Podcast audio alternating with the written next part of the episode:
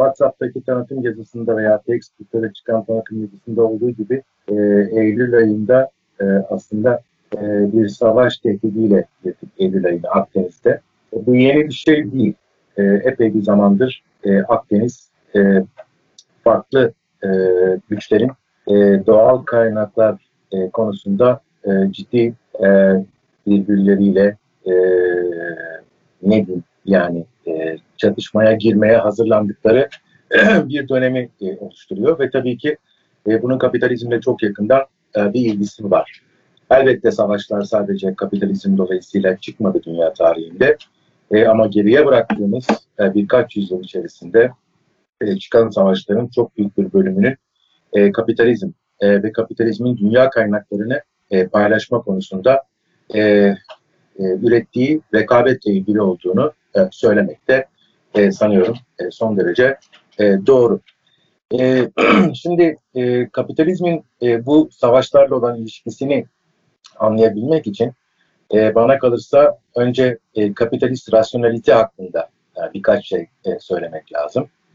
Kapitalizmin rasyonalitesi aslında dünyayı kendi kendini yani mevcut toplumsal düzenini yeniden üretebilmek için e, manipüle edilecek e, bir alan ya da mekan olarak e, gören bir e, rasyonalitedir. E, başka bir deyişle e, kapitalizm için e, dünya e, emek yoluyla dönüştürülüp sömürülecek bir yerdir. Fakat bunun amacı da e, dünyayı daha iyiye doğru götürmek falan değildir. E, mevcut kapitalist ilişkileri muhafaza etmek ve hatta daha ileriye taşımaktır. Dolayısıyla e, kapitalizmin böyle bir rasyonalitesi var ve e, bu e, rasyonalitenin tabii ki e, temel hedeflerinden bir tanesi e, doğa. Elbette kapitalist rasyonalitenin sadece doğayla ilgili olduğunu söylemiyorum burada. Çünkü e, kapitalist rasyonalitenin bir birey anlayışı vardır. E, kapitalist rasyonalitenin bir toplum anlayışı vardır. Ve bu birey ile toplumun doğayla ilişkisine dair de e, sahip olduğu çok temel bir takım ilkeler vardır. Ve bu ilkeler üzerinden ilişki kurar bireylerle, toplumlarla e, ve e, doğayla. E, burada da karşımıza çıkan şey e, elbette e, Akdeniz'de var olan bir takım doğal kaynakların ya da rezervlerin paylaşımıyla e, ilgili olan e, bir şey. Ve e, bununla ilgili olarak e, mevcut krizler ortaya çıktı ve giderek daha sertleşmeye başladı. E, ve belki de e, bunun sonucunda yakın tarihte e, çatışmalar yani sıcak çatışmalar e, görme ihtimalimiz de e, var. Şimdi bunun tabii yalnızca e, kapitalist tarafını e, ele almak yeterli olan bir şey değil. Çünkü bu tip çatışmaları meşrulaştırmak için e, kullanılan politik mekanizmalara da e, bakmak lazım. Ve elbette bu politik mekanizmalar içerisinde e, en önde gelen e, şey e, yine o e, tanıtım yazısında söylendiği üzere e, var olan ya da bütün bu e, rekabete giydirilmeye çalışılan veya üstüne dökülmeye çalışılan milliyetçilik sosu ve bunun arka planında e, var olan e, ve özellikle geride bıraktığımız 10 yıl içerisinde e, tekrar tekrar önemi vurgulanan e, veya önemi hatırlatılan ulus devlet modeli. Başka bir deyişle e, ulus devletler, uluslararası hukukun da e, getirmiş olduğu kurallar üzerinden e, doğal kaynakları paylaşıyorlar. E, ve önemli olan e, buradaki paylaşımda bu doğal kaynakları artık hangi bireyin ya da toplum içerisindeki hangi, kolek, hangi kolektif e, grupların temellük edeceği değil, aslında hangi ulus devletin temellük edeceğiyle ilgili. Yani yine burada kapitalizmi tartışırken her zaman kullandığımız çok önemli bir kavrama geri dönüyoruz. O da temellük veya apropriyasyon kavramı. Yani kendi mülkü haline e, getirme.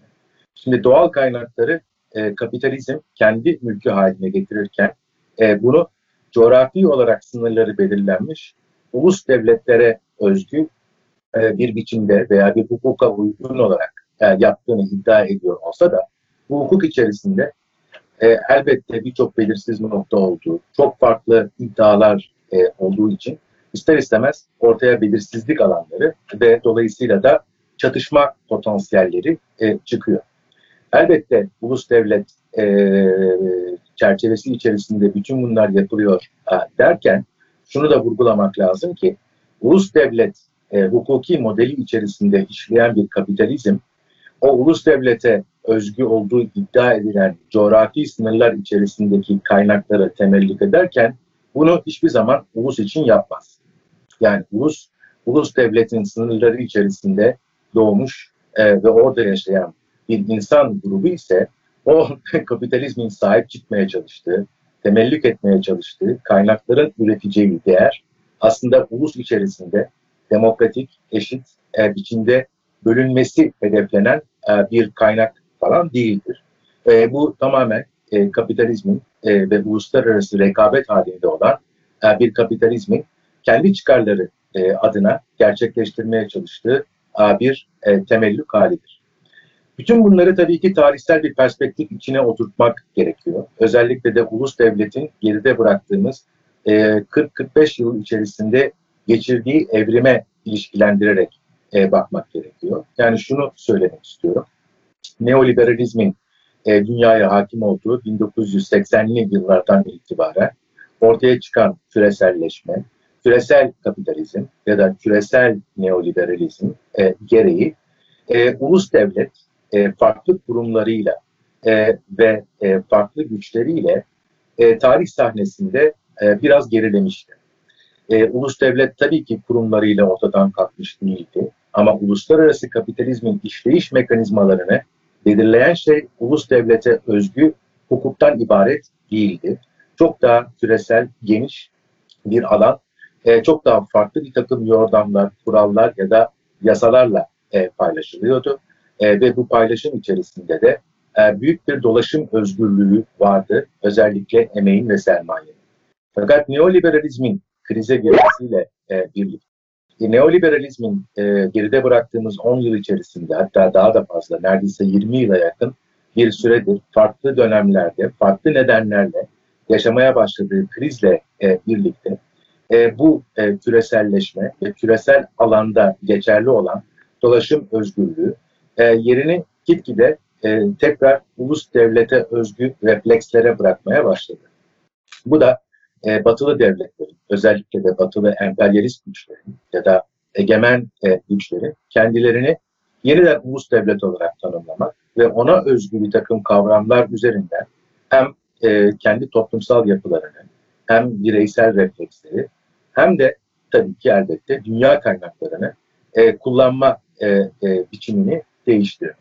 Bu anlamda bana kalırsa geride bıraktığımız işte birkaç ay içerisinde e, hem dünyada ama özellikle Akdeniz'de işte e, Kıbrıs'ın doğusundan Libya'ya kadar uzanan geniş bir coğrafya içerisinde e, birdenbire yeniden e, belli bir takım taleplerin ortaya çıkması, e, bu talepler üzerinden e, daha e, minör düzeyde e, bir takım gerilimlerin olması ama bu gerilimlere daha sonra Batı'da emperyalizmin öncüsü olmuş olan büyük e, devletlerin, kapitalist devletlerin müdahale etmesi, müdahil olması, taraf tutması ve bunun yeni bir takım tehditler oluşturması e, bir sürpriz e, değil.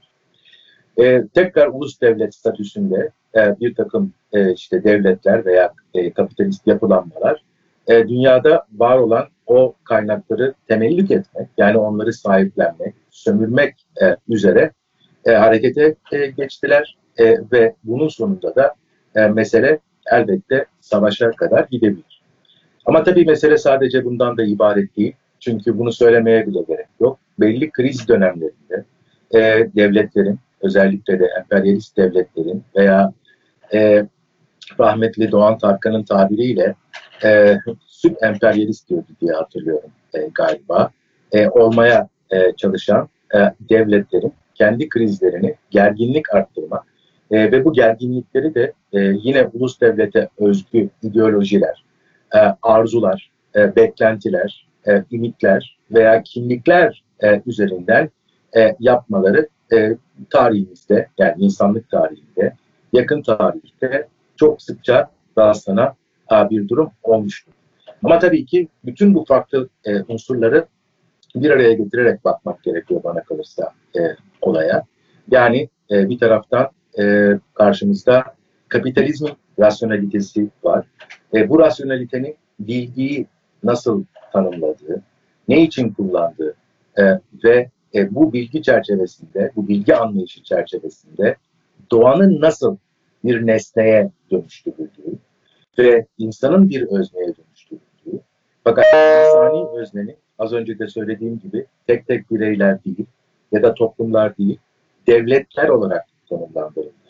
Bu devletlerin kendilerini ulus devlet olarak e, tanımlıyor e, olmaları e, ve dolayısıyla da belirli bir epistemolojik çerçevenin yani bilgi, bilginin nesnesi ve öznesine dair kurulan bir çerçevenin e, siyasi e, bir çerçeveyle bir araya gelmesi, yani rasyonaliteye dair bir teorinin e, siyasi bir teoriyle e, bir araya e, gelmesi ve bunun üzerinden e, işte o bilgi anlayışı ve bu bilgi anlayışının hizmet ettiği ulus devlet üzerinden e, doğanın nesneleştirilmesi fakat bu nesnenin paylaşımı ya da temellükü esnasında ortaya çıkan krizlerin farklı şekillerde kullanılıyor olması ile karşı karşıyayız. Yani burada kendi kendine ortaya çıkmış olan ve dolayısıyla da tarafların bir şekilde çözüme ulaştırılması e, beklenen bir krizle karşı karşıya değiliz. Kapitalizmin özellikle yaratmış olduğu bir krizle karşı karşıyayız.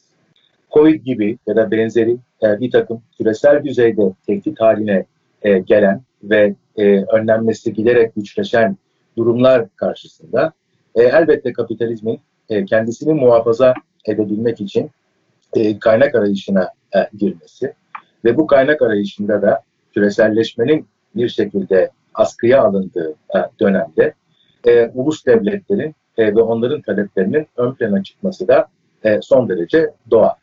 Buna benzer nedenlerle e, elbette geride bıraktığımız yüzyıllarda çok büyük e, savaşlar yaşandı.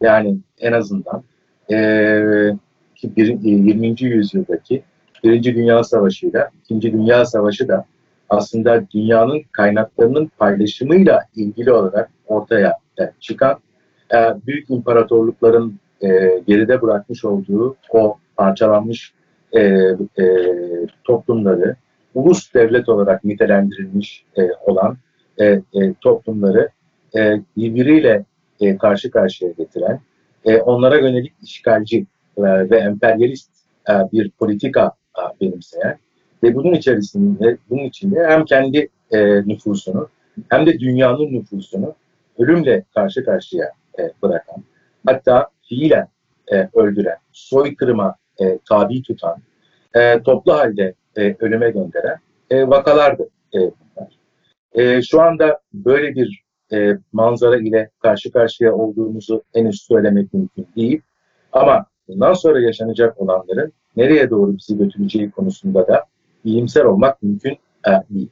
Kapitalizm gerçekten bu sefer e, özellikle e, COVID-19 salgının ortaya çıkmasıyla e, birlikte e, çok ciddi bir krize girmiş durumda.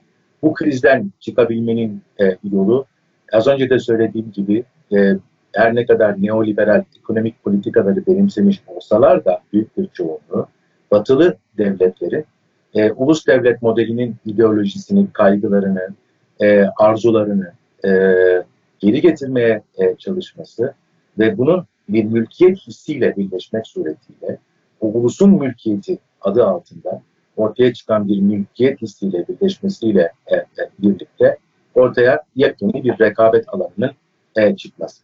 Bundan evvel başka bir şey var. Yani şunu mesela e, söyleyelim.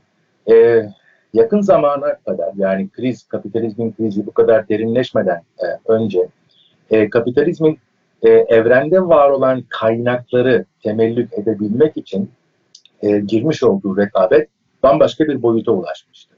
Şimdi bunu çoğu insan bilmez ama Barack Obama zamanında e, Amerika Birleşik Devletleri'nde bir yasa çıkartıldı. E, bu yasa uzaydaki yani dünyanın ötesindeki uzayda var olan e, kaynakları, doğal kaynakları kullanmakla ilgili bir şey. Daha önce var olan uluslararası hukukta e, dünyanın dışındaki kaynakların insanlığın refahı için kolektif olarak kullanılması gerektiğine dair e, yerleşik bir takım yasalar vardı. E, ve bu yasalar devletleri bağlayıcı olan yasalardı. Ama Obama zamanında çıkan e, yasa e, bu e, uluslararası e, konvansiyonun ya da uzlaşımın etrafından dolaşabilmek için şirketlere ve şahıslara e, dünya dışındaki e, doğal kaynakları temellik etme ve kullanma yani Amerikan vatandaşlarına e, ve şirketlerine vatandaşa değil tabii ki e, özel girişime, özel sermayeye e, bu kaynaklara ulaşma ve yeri geldiğinde bunları temellik edip sahiplenme ve kullanma hakkını vermiştir. Yani kapitalizm dünyadaki kaynakların e, yetersiz olmaya başladığı bir noktada gözünü e, uzaydaki, dünyanın dışındaki kaynaklara da dikmiş ve hatta bunun için gerekli hukuki e, çalışmalara çoktan e, başlamıştı e, bile. E, bunları e, şu anda çevirmekte olduğum bir kitap var e, Türkçe'ye, Fransızca'dan Bitmeyen Kabus diye neoliberalizm üzerine e, ayrıntısıyla anlatıyor e, yazarlar. E, sanıyorum önümüzdeki birkaç ay içerisinde bu kitap e, çıkacaktır. Ama dünyanın dışındaki o kaynaklara göz diken e, Amerika'daki kapitalizm e, şu anda çok ciddi bir e, kriz yaşıyor. Amerika ile bu kaynaklar için rekabet halinde olan Avrupa kapitalizmi çok ciddi bir kriz yaşıyor. Dünya kapitalizmi çok ciddi bir kriz yaşıyor. Bu krizi dünya dışındaki kaynaklara ulaşıp onları temellik etmekle çözülecek bir kriz olarak görmek mümkün değil. Dolayısıyla tekrar dünyadaki kaynakların paylaşımı e, ön plana çıktı bana kalırsa.